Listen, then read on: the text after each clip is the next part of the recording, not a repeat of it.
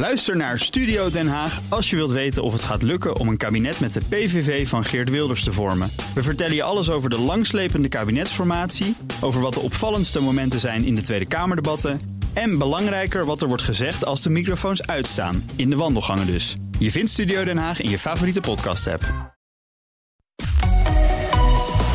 BNR Nieuwsradio. The Big Five. Art Rojakkers. Goedemorgen, fijn dat je luistert naar BNR's Big Five van de opiniemakers. Deze week praten we met de mensen die bepalen waar wij over praten. Hoe sturen ze de toon van het debat? Wat kost het ze? Wat levert het op? En hoe wordt een mening een verdienmodel? We hebben vier opiniemakers voorbij horen komen deze week. Marianne Zwageman was er, Stella Bergsma. Um, en uh, nu ben ik twee anderen kwijt. Dat komt omdat ik in mijn eentje sta hier in de studio. Mijn gast vandaag is er nog niet. En ben ik toch een beetje van, van mijn apropos. Vandaag hoort hier te zijn Sander Schimmelpenning, columnist van de Volkskrant. Inmiddels oud-hoofdredacteur van Quote en oud-presentator van Op1. Hij is er alleen nog niet. En dat is lastig met live radio. Dus ik stel voor dat we hem gewoon gaan bellen. Eens kijken of hem te pakken te krijgen. En dan kijken waar hij is op dit moment. Want we willen hem natuurlijk wel in de uitzending hebben. Hallo Sander. Hallo. Ja, jij hoort in een radiostudio te zijn met mij. Ja, I know. En ik loop nu buiten en ik loop nu naar binnen. Dus ik ben echt bijna bij je. En dit is in Amsterdam of op het Mediapark in Hilversum? Je weet dat BNR nee, in Amsterdam dit zit, is, hè? dit is gewoon in Amsterdam. Oh, goed zo. Ik zie je inderdaad voor het raam uh, voorbij komen. We hadden deze week uh, Marcel van Roosmalen, was een voorganger van je. Marianne ja. Zwageman, Ebru Oemar, gisteren Stella Bergsma. En aan alle gasten leg ik stellingen voor. Dat doe ik gewoon aan jou, terwijl jij aan de telefoon bent. Kijk, ik zie je Ja. voorbij komen. Je krijgt koffie in je handen. Ja, ik, als een diva word ik hier behandeld. Ja, nou, dat ben je ook een beetje. Je komt te laat in een live Ja. uitzending, Sanne Schimmelpenning. Ja, ja, maar dat was echt niet mijn schuld. Waar lag het dan aan? Nou ja, de centrumring is helemaal afgesloten. En dat, eh, ja, dat heeft me een uur eh, vertraging opgeleverd. Je bent- verschrikkelijk. De Centrumring in Amsterdam. Ja, hier ben je. Nou, welkom, welkom, welkom. Hey. Ga achter de microfoon staan, dan klink je meteen ook een stuk beter. Hoppakee. Ja, daar Kijk, is dat is wel een mooi effect eigenlijk, hè? Ja, toch? Dit is ook inderdaad wel een beetje koninklijk wordt je onthaald. Ja, dit is heel gaaf. Ja, je auto wordt voor je geparkeerd. Ja, nou, is fijn. Ja, want je bent natuurlijk al straks al je privileges kwijt. Je was hoofdredacteur bij Quote. Ja. Je was presentator bij Op1. Wat ben je nu nog? Ja, helemaal niks werkelijk. Nee, nee privileges. Eh, ik heb het privilege van vrijheid en het eh, privilege van geen juk meer hebben. Eh, dat is het allergrootste privilege wat er is, zou ik zeggen. Nou, daar gaan we het straks over Ja. hebben. Over hoe het bevalt nu je gestopt bent en of je er nog naar kijkt. Kijk je met plezier terug op je tijd bij Op1? Jawel, ach, natuurlijk wel. Ik heb het onwijs leuk gehad. Alleen ik kijk met nog veel meer plezier naar het leven zonder op één. Ja? Ja. Kijk je überhaupt nog naar Op1? Nee, maar dat deed ik toen ook al niet. Ook niet naar je eigen uitzendingen? Nee, ik ben, eh, ik ben een ochtendmens. Ik vind het veel te laat. Maar Hoe deed je dat dan als je daar zat te Nou, presenteren? vechten tegen de slaap, Red Bull en zo, ja. Ja, en nu heb je koffie nodig om hier wakker te blijven. Nee, ik ben prima wakker. Oké. Ik wil- nog heel even met je terug naar. Ben je een beetje geland? Kunnen we een, gesprek Ja hoor, gaan voeren? ja hoor. Ik, Ik, ben, ik sta altijd aan, Art. Ik sta Nee, altijd dat is niet waar, Sander Nee, is niet waar. Ik sta helemaal niet altijd aan. Nee. Zeker niet s'avonds bij op één. Ehm, ja, daar ga ik het straks toch over hebben, weet je wel. Daar ben ik nu wel benieuwd naar. Eh, Ja. maar- over op één gesproken. Er zaten deze week zat daar een, een influencer, Tim Douwsma. Bij de concurrentie bij Jinex zat eh, Femke Louise. Ja, geweldig. En het ging dan over ik doe niet meer mee. En toen moest ik denken aan een column die jij schreef voor de Volkskrant een poosje geleden. Volgens mij is het een week geleden over niet iedere Ja. mening hoeft gehoord te worden. Ja. Hoe, hoe zat je te kijken? Ja, niet dus, maar hoe heb je teruggekeken, die, die mensen aan jouw oude talkshowtafel? Nou, dat was een, een prettige illustratie van het punt wat ik inderdaad in die column probeerde te maken. Ja. Eh, namelijk dat, eh, dat eh, een van de problemen van deze tijd is dat iedereen niet alleen een mening heeft, maar dat hij ook nog vindt dat die mening gehoord moet worden. En kijk, de, die gedanken zien vrij. Hè. Iedereen mag natuurlijk gewoon zijn eigen gedachten vormen en een mening hebben. Maar sociale media hebben er natuurlijk voor gezorgd dat iedereen ook nog het idee heeft gekregen dat die media gehoord moet worden. En dat zij het recht hebben om gehoord te worden. En ja, dat recht bestaat in mijn ogen niet. Hè. We vinden het heel normaal dat er in de maatschappij allerlei filters en drempels en brandende hoepels zijn om ergens te komen eh, waar je gehoord eh, eh, mag worden of kan worden. En in het meningencircuit vinden we op de een of andere manier tegenwoordig dat dat niet hoeft. Hè. Nee. Ik bedoel, ja. Je kan gewoon aan een tafel gaan zitten en je mening geven. Maar dan word je Ja. wel aangepakt door een presentator. Nu zei hier deze week Ebru Oemar bijvoorbeeld... Ja. werd veel te hard op ze ingehakt. Die Femke Louise is een meisje die niet goed... ze kan niet goed verwoorden wat ze bedoelt. En die wordt dan afgemaakt door Jinek. Ja, nou ja, ja ik, ik, ik, ik, weet ook niet of ik ehm, als redactie van Jinek haar had uitgenodigd. Omdat natuurlijk iedereen wist wat er ging gebeuren. Je weet dat zo'n meisje niet opeens een, een, een, een eh, steekhoudend verhaal gaat zitten houden daar. Dus iedereen kon dit zien aankomen. En het was, was natuurlijk wel uh, 90% leedvermaak en 10% uh, journalistiek wat daar gebeurde. En was dat bij Op 1 ook zo? Want daar zat uh, een andere influencer, Tim Douwsma. Ja. Nou, wat had jij die... gedaan? Laat ik het anders vragen. Wat had jij gedaan als hij op jouw avond daar had gezeten? Nou, ik heb wel een vergelijkbare show gehad ooit. Uh, vond ik best wel legendarische televisie met Fijke Siebesma... in, dis in discussie met uh, een van de roelvinkjes. Ik weet, ben even kwijt welke. Eve of Donnie of Dries. Of Donnie of Wesley of, of, of, Marvin, weet ik veel hoe ze heten. Um, uh, en dat was best wel leuke tv. Want daar zag je toch wel dat die twee met elkaar in gesprek gingen. Dus toen pakte het, vond ik wel goed uit. Omdat, en dat zag je trouwens ook wel bij die Famke Louise... ik heb natuurlijk wel even terug zitten kijken... dat die Gommers toch de toenadering en eigenlijk heel vaderlijk dacht van, nou ja, we, we moeten iedereen meekrijgen. En dat heeft ook effect gesorteerd, want ze heeft uh, eigenlijk spijt eh, gekregen ja, van de acties. Maar wacht even, wacht even. De man die dus zegt niet elke mening hoeft gehoord te worden, staat nu achter de uitzending waarin een van de roelvinkjes in debat gaat over het coronabeleid? Nou, ja, niet, niet elke mening, maar kijk, zo'n zo'n van de Roelvinkjes en, wel. En zo'n zo'n Famke Louise ook blijkbaar. Ja, ik had er nog nooit van gehoord, maar die heeft ook 1 miljoen volgers. Dus, ja, dat en dus zijn... is de mening waardevol? Nou nee, die mening was natuurlijk niet waardevol. Maar eh, zeg maar op het, op het allerhoogste macroniveau... als je eh, de maatschappij wil verbinden... en toch wil zorgen dat de neus een beetje dezelfde kant op staan... kun je achteraf zeggen dat dat, dat wel het effect is geweest. Nu praat dat je de NPO-baasjes naar waar je naar moet ja, luisteren. Nee, maar nu ja, even je eigen mening. Ja, nee, nou goed, kijk, ik ben, ik, ik ben fundamenteel niet geïnteresseerd... in de mening van een influencer. Want een influencer is niet uh, groot geworden of bekend geworden vanwege zijn mening. Die is bekend geworden. Die van Louise, ik weet niet wat ze doet, maar ik, ik, zag alleen maar een paar halfnaakte foto's op Instagram. Dus ja, dat, dat zal dan wel waarom ze bekend is geworden. Huh? Ze zingt oh, ze ook. zingt ook nog. Nou, prachtig. Uh, maar is, ze is in ieder geval niet uh, bekend geworden op basis van haar um, uh, intellectuele bijdrage. Nou, ze zit, zat in een appgroep met ongeveer 70 mensen ja. die zich dus druk maken om het coronabeleid. Die staan ja. misschien voor een veel grotere groep, is het idee dan. Ja. en dus is het dan misschien van belang om dat te horen aan talkshowtafels. Terwijl ja, aan de andere kant zijn er mensen, het is gewoon entertainment, een gebrek aan kennis en daar maken we entertainment van. Ja, nou ja, goed. Wat, wat, ik, wat ik wel een beetje storend uh, vind. Uh, en ook wel vond bij op één. is dat, dat er natuurlijk wel wordt gefocust op de uiterste. Dus um, zeker in die beginmaanden van, van corona. was het natuurlijk wel zo dat als je niet gedwee het overheidsbeleid volgde. of kritisch was. Mensen als Jort Kelder of, Marianne Zwageman. die dat natuurlijk wel een beetje ongelukkig allemaal doen. Uh, dan, dan was je een complotgekkie. Er waren echt twee uitersten. Terwijl er natuurlijk best ook heel redelijke mensen uh, vraagtekens hebben bij sommige onderdelen van het coronabeleid.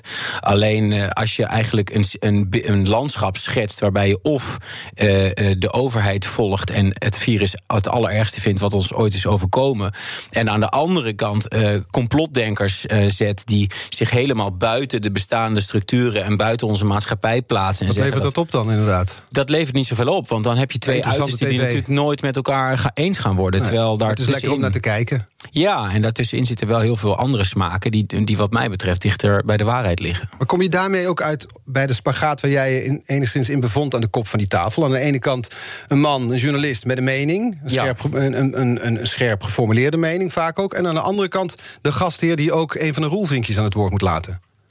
Ja, nou, ik, ik vond dat een moeilijke rol inderdaad. Omdat ik, uh, omdat ik uh, ja, het gevoel heb dat ik geloofwaardiger ben in de rol van uh, ja, uh, opiniemaker. Of iemand die toch zelf aan het woord is. En de voorzetjes geven of het vragen naar een mening bij Dave Roelvink. Ja, dat, dat, daar vind ik mezelf niet zo geloofwaardig in. En, en veel kijkers vonden dat overigens ook niet. Dus dat, dat idee deelden we dan wel, ja. Want er was kritiek op jouw rol? Nou, je merkt, kijk, de, de, de, is, ik krijg altijd kritiek uit één bepaalde hoek. Hè, Forum voor Democratie, heel simpel, want daar ben ik fel over. De domrechtse forumtokkies, zoals jij ze noemt. De domrechtse forumtokkies, precies, mooi dat je dat zo even benoemt.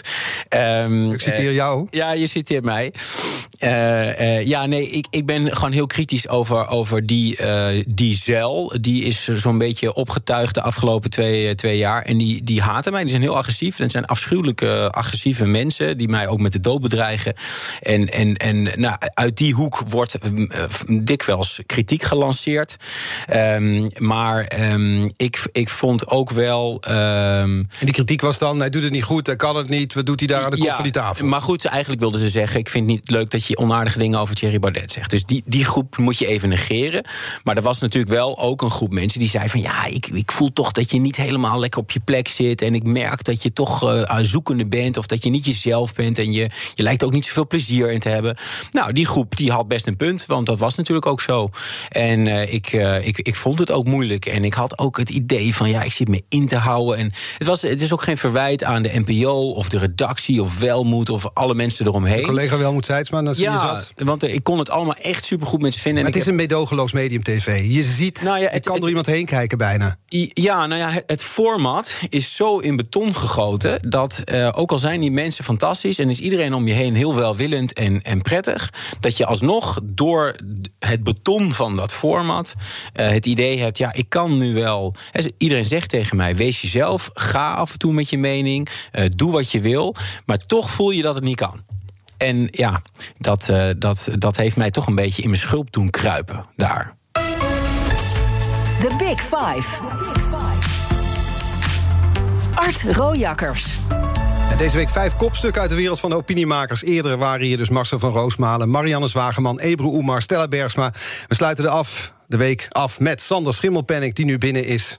Dat is bij me blij om, Sander, dat je er bent. Ja, ik ook. Um, jij, we hadden het over op één. Jij, jij hebt daar een uitspraak over gedaan die veel. Die deed je in de Zelfs podcast. Die je hebt met je, uh, met je compaan. Daar gaan we het later over hebben. Je noemde daar het presenteren van op één. Uh, ja knikken, empathisch meedoen en nee, lezen. Nee, nee, nee. Kijk, dat is dus precies wat er misgaat in nee, deze want tijd. Daar, ik wilde daar naartoe. Jij, dat, dat werd veel aangehaald. En ja. daar maak jij je dan boos om. Ja, dat juist ik, dit eruit dat wordt heb ik namelijk niet gezegd. Zo waarom wordt dit dan rondgepompt? Nou, omdat er dus, nou, ga ik weer wijzen naar de domrechtse zeil.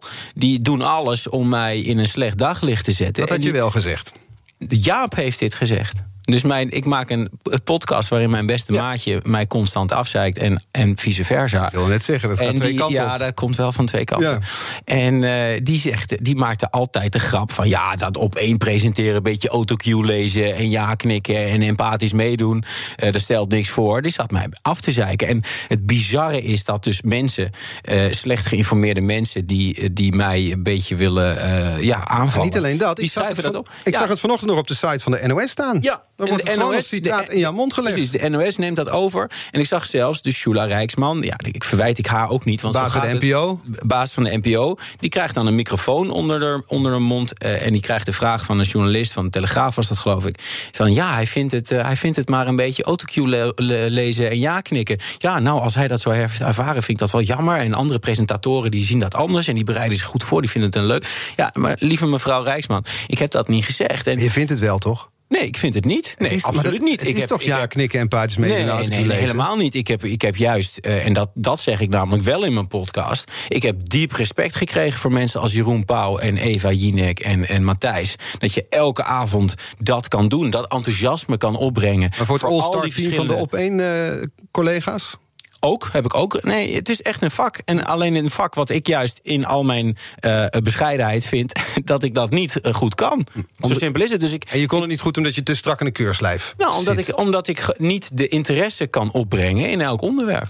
Als ik iets niet interessant vind, dan zie je dat aan mij. Ik ben een slechte acteur. En Matthijs was natuurlijk fantastisch. Die kon, die kon, eh, ja, die kon het meest onbenullige onderwerp ontzettend groot en, en urgent maken. En, dat, en, dat, En jij ja, zat bij sommige onderwerpen, dacht je, wat zit ik hier te doen? Ja, dat dacht ik regelmatig. Ik eh, kan me nog carnaval herinneren. Nou, jij bent een Brabo, dus ik zal daar niet over doorgaan. Jawel, maar, hoor. Ik vier eh, geen carnaval. En, eh, en eh, ik kan me ook nog het Songfestival herinneren. Dat kreeg ik enorm op mijn flikker. Want ik stelde de vraag: waarom doet Australië mee met het Eurovisie Songfestival? Nou, Dat is een vraag. Een ontzettend domme vraag. Kreeg ik heel veel kritiek op. Nou, dat soort dingen. En, en En ook. wie gaf je dan op je flikker? De redactie? Nee, het publiek. Eh, Gerard Joling aan tafel. En, maar goed, wat ook vaak gebeurde, en zeker in die coronatijd, was dat de gesprekken ehm, niet zozeer dat het onderwerp me niet interesseerde, maar dat het ook best een beetje eendimensionaal was. Hè. In de coronatijd was het natuurlijk heel droog nieuws.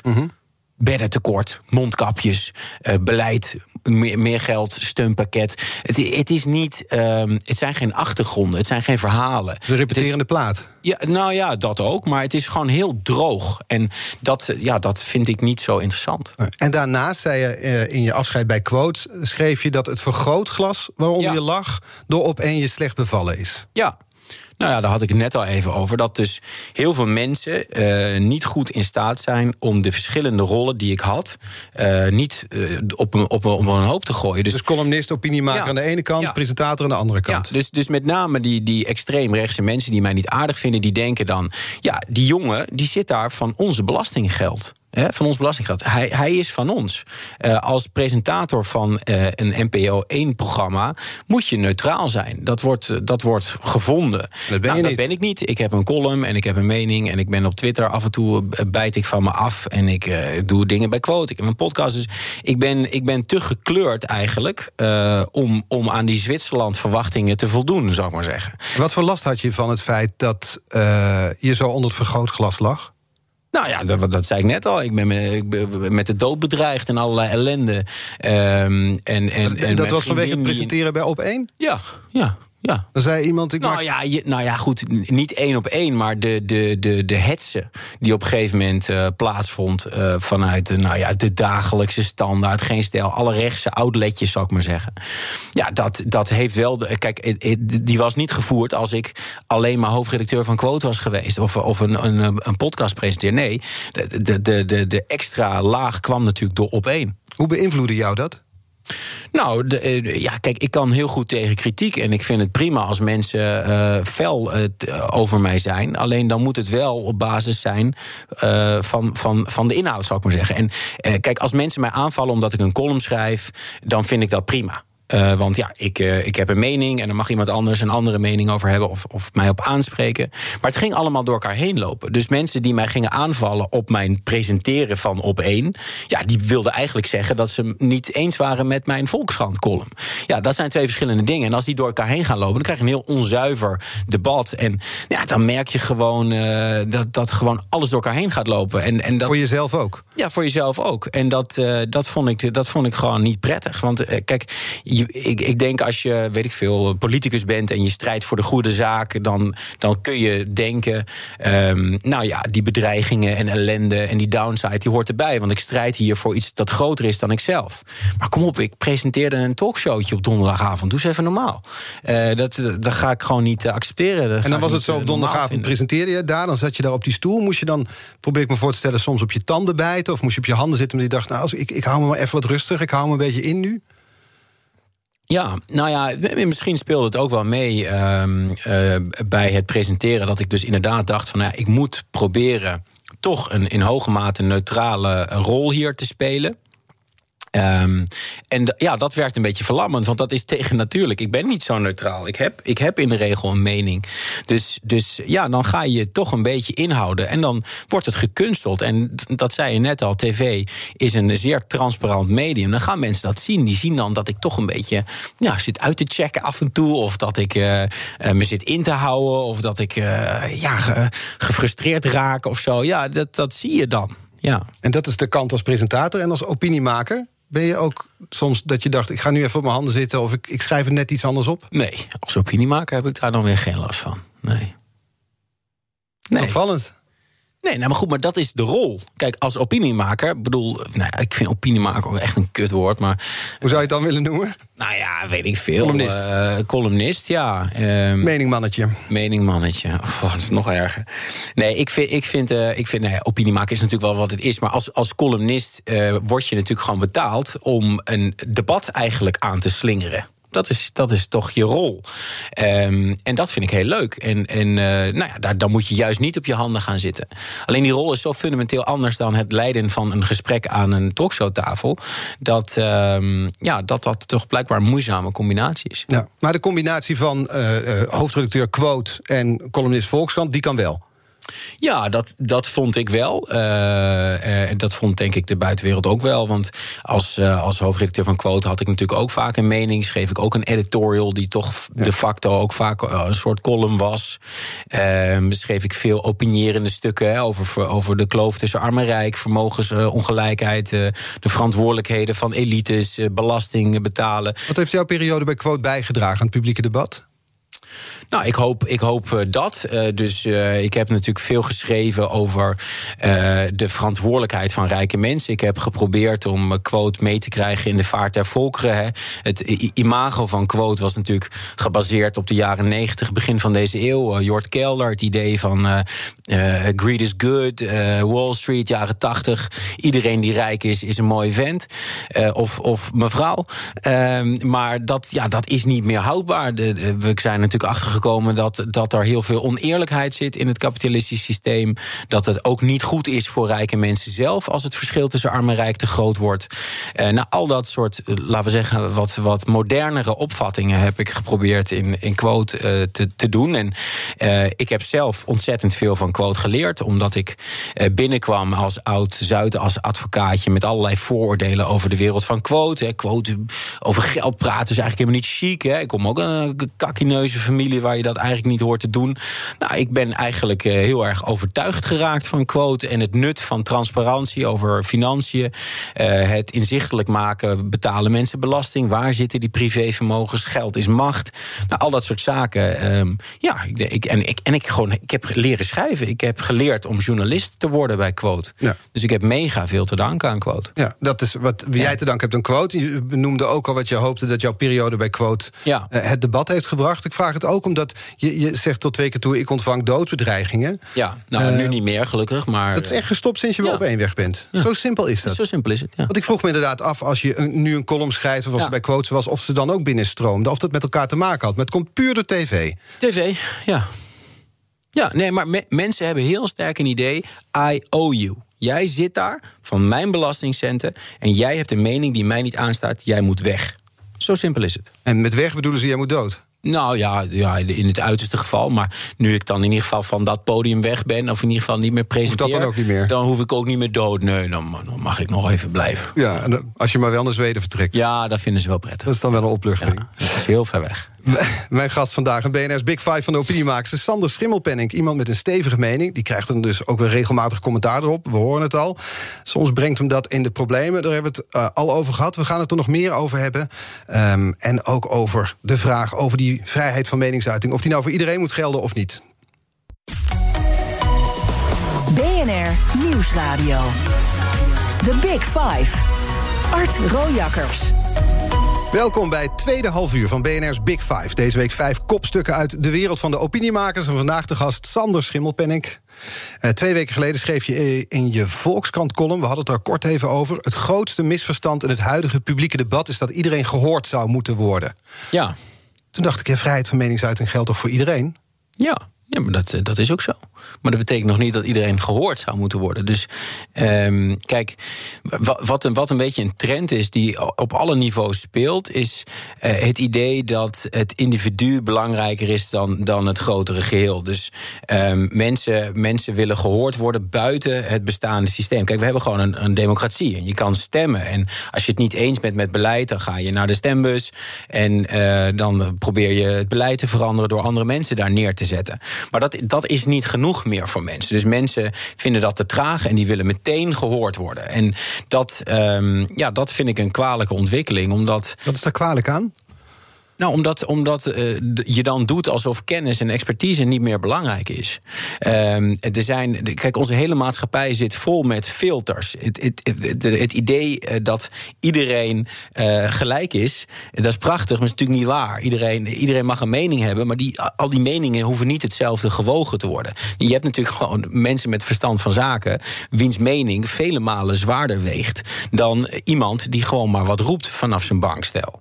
Dus de, de, de moet daar moeten we in differentiëren. Natuurlijk moeten we daarin differentiëren. En, en dat sociale... gebeurt niet op social media. Nee, sociale media heeft eigenlijk uh, uh, heel veel mensen die dat vertrouwen niet verdienen, uh, veel zelfvertrouwen gegeven. He, dus je, je, hebt allemaal ja, anonieme trollenlegers die elkaar versterken in een soort van zelfvertrouwen. Dus in dat, in dat ja, zo noem ik dat geloof ik, in, in dat riool van dat sociale media, daar, daar zie je dat allerlei ongehoorde figuren die ook het verdienen om ongehoord te blijven, uh, elkaar gaan horen. Hè. Ze gaan elkaars publiek vormen en ze denken: ja, dat zie je wel, ik heb gelijk. En want hij vindt dat ook. Anoniempje 35 vindt, vindt het ook. En anoniempje 38 vindt, vindt het ook. Dus ja, we hebben hier een soort van kritieke massa. En er zijn heel veel mensen met deze mening. Dus is het waar?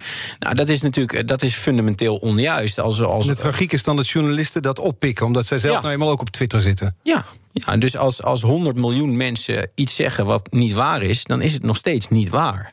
En dat is natuurlijk een beetje het probleem van deze tijd: dat heel veel mensen denken dat het wel waar is als 100 miljoen mensen dat vinden. Ehm, terwijl, ja, kijk, dus. dus eh, Tegelijkertijd is er die mensen die wel kennis hebben. Als we bijvoorbeeld nu kijken naar het, bijvoorbeeld het coronabeleid, dan is er veel wantrouwen naar de mensen die kennis van zaken hebben, omdat zij misschien niet alles aan ons vertellen. Misschien belangen hebben die ze niet met ons delen. En dat wantrouwen voedt dan het feit dat mensen elkaar opzoeken en, en, wantrouwend zijn. Ja, ja dat, dat complotdenken leeft natuurlijk enorm tegenwoordig. En dat, ehm, ja, ik begrijp dat nooit zo goed, want ik vind dat een soort van overschatting van, van de mens. dus, dus al die complotdenkers uh, met hun Soros en 5G, die, die denken dus dat er een soort van waanzinnig slimme groep mensen is, een soort wereldelite die allemaal dingen met elkaar bespreken en een soort enorm uitgewerkt plan hebben om ons er allemaal onder te houden. Nou ja, als je dan, eh, nou ja, dat vond ik wel leuk aan op één. Als je dan zo'n talkshow eh, presenteert, dan kom je erachter dat ja, iedereen doet maar wat. Weet je, het zijn ook allemaal maar mensen. Dus zo'n zo'n minister. Misschien zeg jij gewoon omdat jij erbij hoort, hè? Zeg jij dit? Oh ja, ik ben een globalist. Nee, natuurlijk. Ja, jij hoort zelf bij de elite. Ja, nee, ik ga straks lunchen met Soros. Dat klopt. Nee, het is allemaal onzin natuurlijk. Maar weet je, het, het, het, het, de overschatting van elites en dat er een soort van duizend Nee, zo is het niet. Iedereen doet maar wat. En zelfs de minister, ik bedoel, zo'n grappenhuis, dat zie je toch ook. Ja, iedereen doet maar wat. Uh, met de beste intenties in de regel. Dus je moet gewoon wat meer vertrouwen hebben in, in de mensen om En je mag wel degelijk heel kritisch zijn. Ik bedoel, ik ben ook heel kritisch over coronamaatregelen. Ik vind ook dat we uh, hebben overgereageerd. Ik ben bekend dat ik vaak uh, heb gepleit voor het Zweedse model van meer eigen verantwoordelijkheid. En gezegd, joh, dit gaat nog even duren. We moeten ouderen beschermen, et cetera. Maar je kan jezelf niet buiten uh, onze democratische structuren plaatsen. En dat is wat er constant wordt, uh, wordt gedaan. Hè. Dus wordt gezegd van ik wil niet meer bij, uh, bij deze overheid. Hè. Er wordt gedaan alsof de overheid de vijand is. Maar de overheid, dat zijn wij. Dus ja, als, je, als je daar iets aan wil veranderen, dan moet je meedoen met het systeem en jezelf daar niet buiten plaatsen. Want dat is gewoon heel gevaarlijk. Zoals jij het omschrijft, omschrijf je een debatcultuur die ook bijna gevaar vormt voor de democratie. Ja, maar dat stadium zijn we natuurlijk al lang gepasseerd. Er is enorm gevaar uh, door sociale media. Je hoeft alleen maar naar de verkiezingen in Amerika te kijken om, om gewoon heel concreet te zien hoe gevaarlijk dat is. Sociale media hebben in dat land uh, met een twee-partijenstelsel. Ik ben nu eigenlijk wel heel blij dat we in Nederland geen twee-partijenstelsel hebben, trouwens, in deze tijd. Uh, gezorgd voor extreme polarisatie. De, de, de, de, de Republikeinse stemmers die, die, die accepteren geen democratische overwinning straks. En andersom. Dus dat land uh, dat is een voorland misschien wel. Ja. ja. Maar tegelijkertijd, we kunnen nu wijzen naar sociale media. Je kan ook zeggen, het is goed dat mensen elkaar daar vinden. Dat mensen hun mening kunnen uiten. Dat is een uitlaatklep. Nee, is niet goed. Nee, het is echt, ik, ik ben er echt uh, tot de conclusie dat er gewoon niets goeds is aan sociale media. Waarom zit je dan op Twitter? Nou, omdat het wel. In ja, ja dit, ik heb, je hebt ermee te dealen. Het bestaat. Nee, ja, ja, nee maar dit, dit is raar. Nee, als journalist, als journalist is het natuurlijk wel een. Wel een nee, er zit niks goeds in sociale media, zei je net. Ik denk dat de wereld een stuk beter wordt als, als die er niet meer zijn. Ja. Dus we, we, gaan een pleidooi horen uit jouw mond in de volgende column nou, op te heffen. Nou ja, nee, ja, dat, ja, dat, dat gaat mij niet lukken. Maar ik denk dat, dat mensen tot de, langzaam tot dezelfde conclusie zullen gaan komen. Want ja, ik bedoel, Instagram is hartstikke leuk, maar iedereen wordt er onzeker van. Hè? Want iedereen ziet er knapper uit dan jij. Dus je wordt diep ongelukkig. Uh, Facebook is overgenomen door, door, door complotgekken en, en, en, en, en, huisvrouwen met, met bloemetjes en katten. Uh, en dan heb je Twitter, waar, waar anonimiteit uh, zorgt voor een hoop ellende. Hè. De enige reden dat een journalist als Wier Duk denkt dat hij iets voorstelt, is omdat hij 70.000 anonieme idioten achter zich aan heeft. En zodra jij iets over hem zegt, komen die op je af, Ja. begrijp ik toch? Ja, precies. En als je die anonimiteit weghaalt, nou ja, dan heb je dus ook, ook, ook bij zo'n Famke Louise. Kijk, die mensen die, die voelen zich gesteund door al die volgers. Maar die, ja, de helft van die volgers zijn nep. Dat is allemaal anoniem. Dat is, dat is niks. Dus als je, Je dat hebt er wel mee te dealen. Want ik bedoel, eh, als opiniemaker of als, als eh, man die een podcast maakt samen met Ja. Jaap Reesema, zelf. Podcast heet hij. Da- daar zeg je dan soms dingen in. Het is een vrienden, vriendenpodcast. Jullie babbelen een beetje met elkaar. Er wordt Ja. wat geroepen. Dan zeg jij bijvoorbeeld: eh, Alexia is de lekkerste van de drie prinsesjes. Nou, hup. Dat wordt je Ja. dan niet in dank afgenomen. Ja, maar wa- wat is je vraag? Nou, wat ik me dus afvraag is: als jij zegt, ja, dit is dus wat sociale media doen. Ja. Zeg je dat ook uit een eigen frustratie misschien? Nee, nee. Omdat je de vrijheid hebt. Je hebt de vrijheid voor jezelf gecreëerd in een podcast of in een column zeggen. om iets te zeggen. En als er dan iets wordt gezegd door jou wat anderen niet aanstaan, komen ze achteraan. Dat, dat kan vervelend voor je zijn. Ja, nee, nou ja, tuurlijk. tuurlijk dat, dat, die doodsbedreigingen zijn natuurlijk één op één... hebben die te maken met sociale media en de dynamiek die daar ontstaat. Maar kijk, ehm, ik heb een column in de Volkskrant... omdat ik natuurlijk wat, eh, wat eh, drempels heb genomen. Hè. Dus de Volkskrant heeft mij gevraagd om een column te gaan schrijven... omdat ik al jaren schrijf. Omdat ik blijkbaar mening heb die mensen interessant vinden... of een, een keer een invalshoek verzin die andere mensen nog niet hadden verzonnen... of weet ik veel. Er is een reden dat ik daarvoor word gevraagd. Eh, ik maak een podcast met mijn beste maatje. Nou, daar luisteren 200.000 mensen naar. Ja, dat is omdat we dus iets doen wat andere mensen dus niet doen. Dus Nee, maar wie Duk zegt, eh, je haalt hem net aan, ik heb 70.000 volgers. Dat Ja, is ook beroep alleen- op het aantal mensen die hem. Ja, alleen die bestaan, dat zijn allemaal anonieme mensen. Dat, eh, ja, dat, vind- dat vind ik toch een ander verhaal. En, nee, Nee, maar maar goed, beroep op het feit dat je een publiek hebt, is niet genoeg om te kunnen zeggen: Dat- ik heb een mening die ertoe doet, zeg dat, jij. dat is waar. Dat, nee, dat is, dat is zonder meer eh, waar. Alleen, kijk, ehm, eh, ik vind dat er gewoon een paar filters, kwaliteitsfilters moeten zijn. En Wier Duk heeft in zekere zin is natuurlijk, heeft ook een paar kwaliteitsfilters, want die werkt gewoon voor de Telegraaf. Als, als het helemaal een gek was, dan zat hij natuurlijk ook niet bij de Telegraaf. Dus helemaal gek is hij natuurlijk niet. Alleen hij maakt wel gebruik van de anonimiteit eh, op, op, eh, op sociale media in een verkeerde manier. En dus, dus hè, met dat hele Alexia-rel eh, gedoe merkte je natuurlijk dat dus mensen op sociale media in staat zijn om een soort van lastercampagne te organiseren. Hè. Dat was, was duidelijk geregisseerd. Het was echt een afrekening met mij vanuit de Wierduk Jan Dijkgraaf geen stijlhoek. Ja, want het werd je niet in dank afgenomen. Alexia was minderjarig, daar hoor je dat niet over te zeggen. Goed, ja, dus, kijk, eh, tuurlijk op zijn, op zijn hoogst kun je zeggen... was, was niet erg handige woordkeuze van je. Maar ik kreeg... Heb je eh, ooit spijt dan? Heb je überhaupt ooit spijt? Nee, ik heb er geen spijt van. Want het- medium van eh, podcast is dat je gewoon een gesprek voert zoals vrienden dat hebben. En daarin gebruik je af en toe een woord wat onhandig is. Zo, zo zijn mensen. Hè, de, de, de, de hele snap ik, maar als er dan zoveel reacties komen, denk je dan, eh, had ik misschien toch anders moeten zeggen. Nee, omdat, omdat eh, het, er was geen ophef, er was niks aan de hand. Een week lang was er niks aan de hand. Totdat er een lastercampagne werd opgezet van extreemrechtse mensen die helemaal niks geven om Alexia. En helemaal niks geven om de goede zeden. Maar gewoon mij aan, aan willen vallen omdat ik onaardige dingen zeg over Thierry Baudet. Zo Blijkbaar is het zo succesvol dat wij het er hier nu ook weer over hebben. Ja. Dat het over wordt genomen in allerlei programma's. Nee, precies, het stijgt op naar, naar de. dus naar zou je de- dan kunnen denken, misschien had ik het toch anders moeten doen. Nee, nee. Zo denk ik. Zo denk ik. Nou ja, goed. Tuurlijk, ik had een ander woord moeten gebruiken. Tuurlijk had ik dat moeten doen, maar dat heb ik al al honderd keer gezegd. Alleen, eh, ik ga niet eh, concessies doen aan het medium van podcast. Want het mooie van een podcast is Dat dat, je voor de het vuist een weg echt kan praten. gesprek is. Het is authentiek en daarom vind ik het van alle dingen die ik doe het leukste medium dat ik bedien.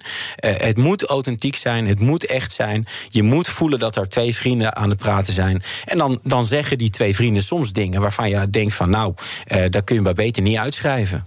Ja. We hebben het fenomeen kettingvraag in eh, BNR's Big Ja. Five. Gisteren was die Stella Bergsma, die had eh, deze vraag voor jou. Ja. Ik zou hem ook heel graag in mijn uitzending natuurlijk willen hebben. En dan zou ik hem allemaal dieptevragen stellen. Van wat er in hem leeft en wat hij echt wil en zo. En wat hem diep ontroert. Maar nu vraag ik hem: wie vindt hij het lekkerste? eh Art Royakkers of Jort Kelder? Wie is de lekkerste? Sander. Jeetje, wat een flauwe vraag van Stella. Stella is heel flauw. Ja, ik vind Stella trouwens wel leuk hoor. We hebben altijd wel gezellige ruzies op? Twitter. Ik vind er... Nee, nee, oh, weet ik veel. Ik vind niks. Eh, hier vind ik nu maar even niks van. Ik moet nu serieus gaan zeggen of, of Art Royakkers of Jort Kelder lekkerder Het is. BNR Radio, wij gaan de diepte in, dus we willen nu een antwoord. Nou, ik vind, ik, ik vind Jort ruikt altijd heel lekker. En die is natuurlijk heel ge, gesoigneerd. Mhm. Maar jij bent wat jonger. Ik zou, toch dan, ik zou dan toch uh, Jort te oud vinden voor mij. Dus dan kies ik toch voor jou, Art. Oké. Op de een of andere manier vind ik het dan toch een complimentje. Ja, ja, ja. Rijmans Ik zie, ook, binnenkomen. ik zie ook direct glimmen, jongen. Ja? Je wordt er een beetje rood van. BNR Nieuwsradio. The Big Five. Art Rojakkers. Je luistert naar BNR's Big Five van de opiniemakers. Vandaag de gast Sander Schimmelpenninck. En Sander, al jouw voorgangers die hier waren... dus Marcel van Roosmalen, Marianne Zwageman, Ebru Oemar... Stella Bergsma, niemand voelde zich thuis in het rijtje bij de rest. Hoe zit het met jou? Nee, ik ook niet. Nee. Wat is dat toch? Ja, ja, dat zal natuurlijk ook wel een soort van gift zijn. Of, eh, Een beetje eh, koket? Ja, ik, ik weet het niet. Nou ja, ik, ik, ik, eh, ik ben natuurlijk, of ik nou wil of niet, de opiniemaker. Ik denk wel dat. Dat ik toch in de eerste plaats journalist ben. En dat, eh, dat je de rol van opiniemaker ook niet te lang moet hebben. Ik, ik heb nu wel een soort van lekker eh, boze, boze eh, jonge mannen columns die ik aan het schrijven ben. Maar dat op een gegeven moment is daar de lol ook wel vanaf. Dus dan moet je jezelf toch wel gaan ontwikkelen als columnist en, en als, als opiniemaker. En ik denk dat ik ook naarmate ik ouder word ook minder plezier ga beleven in de hele tijd maar roepen of aan de zijlijn staan. Dus dat ik op een gegeven moment misschien ook zal denken van nou, ik vind dit nu niet meer constructief.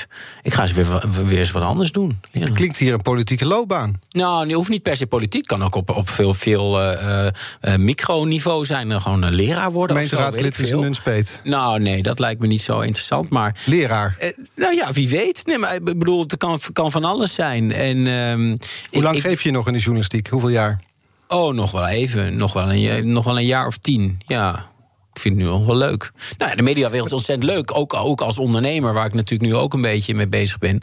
Eh, er verandert enorm veel. Hè. Er zijn allerlei eh, dingen waar mensen nog enorm tegenop kijken, zoals tv. eh, die, die toch eh, behoorlijk in, in een neerwaartse spiraal zitten. En er komen andere dingen voor, voor in de plaats. Zoals die podcast waar jij dus druk mee bent met jouw Zoals die podcast, ja, die, die toch ja, veel belangrijker is geworden dan we ooit hadden be- bedacht. En, en ook zeer winstgevend is en gewoon ontzettend leuk is. Ik bedoel, 200.000 mensen die gewoon vrijwillig naar ons gebral luisteren, dat vind Ja. ik een ongelooflijk eh, fenomeen. Daar kun je van leven. Ja, daar kan ik eh, uitstekend van leven. Ja. Is dat ook de reden dat je dan kunt stoppen bij Quote bij Op 1?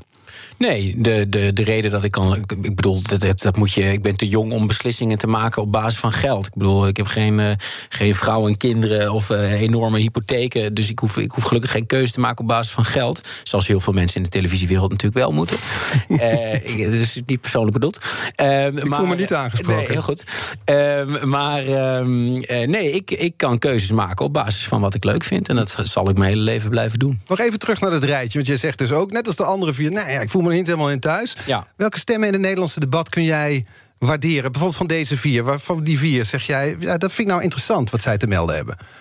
Nou, ik vind Marcel van Roosmalen vind ik heel geestig. Ik, ik, ik, ik weet nou niet of hij eh, enorm eh, nieuwe inzichten biedt of zo.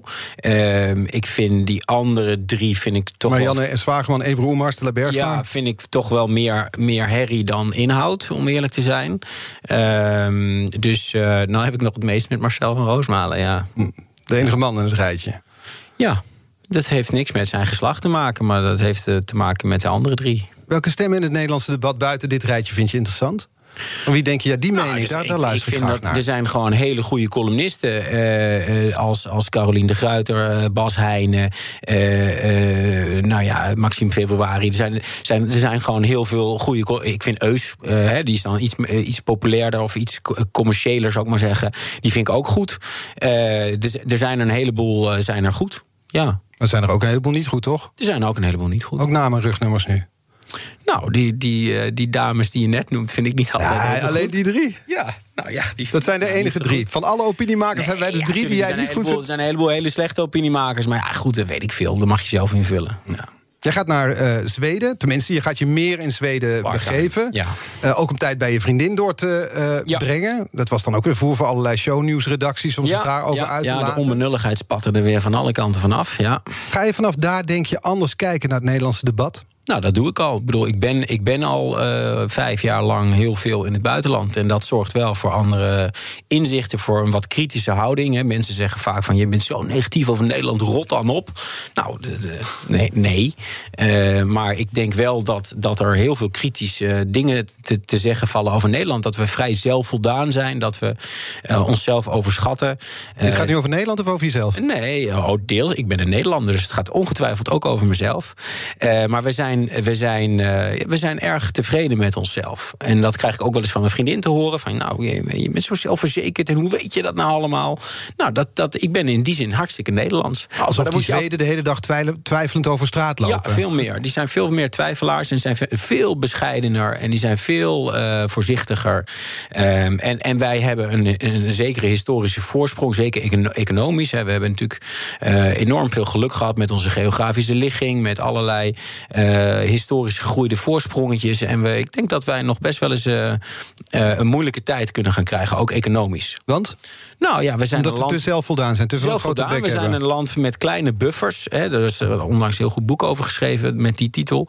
we, we, we, we hebben best wel veel dingen uitgehold in onze samenleving. er is heel veel vermogensongelijkheid. Er is een grote concentratie van welvaart bij een kleine groep mensen. En dat, dat gaat niet eeuwig goed. Zo simpel is het. En dan zit je wat dat betreft beter straks in Zweden? Ja, nou ja, gezien klimaatveranderingen en overspoelende polders zit je sowieso beter in Zweden. Maar ook, uh, ik denk dat ze daar ook een wat bestendiger sociaal systeem hebben, ja. En is dat een van de redenen, naast je vriendin natuurlijk, maar is dat een van de redenen waarom je daar thuis voelt? Of is de, bijvoorbeeld de debatcultuur, die ik totaal niet ken in Zweden, hebben ze die überhaupt ja. daar? Ja, nou, die, ze lopen echt twintig jaar achter op ons. Dus het is een beetje Nederland... Zijn nou net met de paarse puinhopen bezig? Nederland pre-fortuin, precies. Ja, die staat ze ook nog wat te wachten daar dus? Er staat ze nog wel wat te wachten, ja. Nou, ze hebben natuurlijk een, een immigratiegolf in 2015 gehad. Ze hebben heel veel mensen opgenomen. Toen wij de grenzen eigenlijk uh, toch wel voornamelijk dicht hielden. Hebben dat is een reden voor Trump en andere mensen te zeggen dat het daar juist helemaal ja, misgaat. last night in Sweden, precies. Um, dus ze hebben nu daar de opkomst van de Sverige-democraten. Dus de, de, de, de Zweden-democraten. Eigenlijk een beetje, ja, het is niet helemaal FVD. Het is, het is wat, wat vriendelijker, zou ik zeggen. Maar het is, het is behoorlijk rechts. En uh, dat is nieuw voor ze, want ze zijn een uh, ja, sociaal-democratisch land altijd geweest. Dus ze zijn een beetje, ja, ze moeten wennen aan de nieuwe tijd. Nou, dat ga je dan een beetje zo vanuit een leunstoel zitten bekijken... terwijl je ja. daar in Zweden bent. Wat ga je ja. eigenlijk nog meer doen? Want je hebt, het zijn twee prestigieuze plekken die je had... met, met maatschappelijk aanzien. Talkshow-presentator op NPO 1, hoofdredacteur van de Quote. Ja. Als een echte millennial denk je dan... nou, daar stop ik mee, ik heb er geen zin meer in. Ja, maar er komt wel iets voor in de plaats. Ja, maar ja, dat, is, dat noem je dus heel prestigieus. Dat is dus allemaal, allemaal onzin. Dat is allemaal status. Dat is allemaal het geeft buitenkant. maatschappelijke status inderdaad. Ja, geeft aanzien. Dus wat, wat komt er voor in de plaats? Nou ja, ik blijf, Podcast dus? ik, ik, blijf columnist voor de Volkskrant. Ik ga grotere verhalen schrijven voor de Volkskrant. Uh, dus uh, niet zozeer als echte correspondent, maar uh, grote verhalen. Over Zweden, economische verhalen, maar ook Zweden, precies. Ehm, dus ik blijf schrijven. Dat is, dat is toch wel gewoon mijn ambacht geworden. En, je bent natuurlijk met alle heel veel Sumse omroepbaasjes koffie aan het drinken en zo. Iedereen is aan je trekken? Nee, nee, helemaal niet. Nee. kijk, als ik, als ik nog een tweede seizoen mag maken van Dragon's Den bijvoorbeeld. Of er komt een leuke documentaire, zoals ik met de VPRO heb gedaan ja. in Zweden. Maar met hartstikke leuk. Ja. Alleen het zal niet de focus zijn, uh, televisiewerk. En, en de, Radio dan? Ik vind je wel bij BNR passen. Ja, ja, ja. Dat, uh, nou, dat is leuk. Wie weet. Maar kijk, ik ben natuurlijk toch uh, nu echt wakker geworden... als het gaat om de potentie van het medium podcast. Hè, wij verdienen met onze eigen podcast serieus geld. We hebben daar de smaak te pakken. En waarom zouden we niet voor andere mensen ook podcasts kunnen gaan produceren? Want is het don in de podcastwereld om bedragen te noemen als serieus geld? Nou ja, laat ik het zo zeggen. We zijn, we zijn met drie mensen. En al die drie mensen uh, verdienen uh, meer uh, per persoon met die podcast dan ik verdiende bij Quote. Ik weet niet wat je als quote-hoofdredacteur verdiende. Ga je Was dat boven modaal? Ga je maar even opzoeken. Ja, heb, ik heb, we hebben nog twee minuten, Sander Schimmelpenning. Dat gaat mij niet lukken. Kijk mijn, redacteur Robin aan. Die zit nu driftig te googelen. Ja. Um, die, die kettingvraag die jij kreeg van Stella Bergsma... die mag jij gaan stellen aan uh, Bas van der Goor. Volgende week uh, Diana Matroos, mijn collega. Ja. Die heeft de Big Five van het gezonde werken. En haar eerste gast is oud-volleyballer Bas van der Goor. Hij bereikte de top, ondanks zijn diabetes. Wat kunnen werknemers met chronische ziektes van hem leren? Dat is waar Diana het met hem over gaat hebben. Ja. Wat zou jij hem willen vragen? Nou ja, ik, ik, ja, chronische ziektes en werk, daar zit ik niet zo erg goed in. Maar ik zou hem wel willen vragen of corona er nu voor gaat zorgen dat de kantoortuin, waar ik uh, toch ja, mijn werkende leven met zeer veel tegenzin heb uh, uh, ja, staan te, als een plantje heb gezeten in die kantoortuin, of die nou eindelijk afgeschaft gaat worden dankzij corona. Want ik heb nooit begrepen dat mensen in kantoortuinen willen werken, dat bazen dat effectief vinden, dat werknemers het leuk vinden. Ik heb het gewoon nooit begrepen en ik hoop dat het nu echt afgelopen is. En dat, dus vraag je aan dus Bas de van der vraag Goor? is, is het nu eindelijk afgelopen met, de de, kantoortuin? We gaan het aan Bas van der Goor voorleggen. Volgens uh, onze redactie verdien jij bij uh, Quote ongeveer een ton per jaar. Ja, zou kunnen. En dus met die podcast verdienen jullie dan drie ton per jaar? Ja. Ik moet een podcast gaan maken. Ja, ja. ja. ja dat mag. Je bent welkom. Ja, ja, met deze podcast verdien ik minder, kan ik je vertellen. Ja, ja, nou ja, maar we zijn ook wel erg goed, hè? Dank, Sander met Schimmelpennik, dat je hier was. Uh, deze aflevering is uh, terug te luisteren. Deze aflevering van BNR's Big Five. Net als alle andere. De podcast is te vinden in de BNR-app en op bnr.nl. Uh, nu hier Jurgen Rijman met Ask Me Anything. Bedankt voor het Dank je wel dat je er was, Sander. Ook al was je te laat, ik vond het een prettig uur een beetje. Dank je wel. Graag gedaan. dank allemaal voor het luisteren. Tot volgende week. Dan is Diana Matroos hier uh, met de week van het gezonde werken in Big Five. Ook Harm Edens vind je in de BNR-app. Je kunt BNR Duurzaam niet alleen live luisteren in de app, maar ook terugluisteren als podcast, zoals al onze podcasts. En naast dat de BNR-app Breaking News meldt, houden we je ook op de hoogte van het laatste zakelijke nieuws. Download nu de gratis BNR-app en blijf scherp.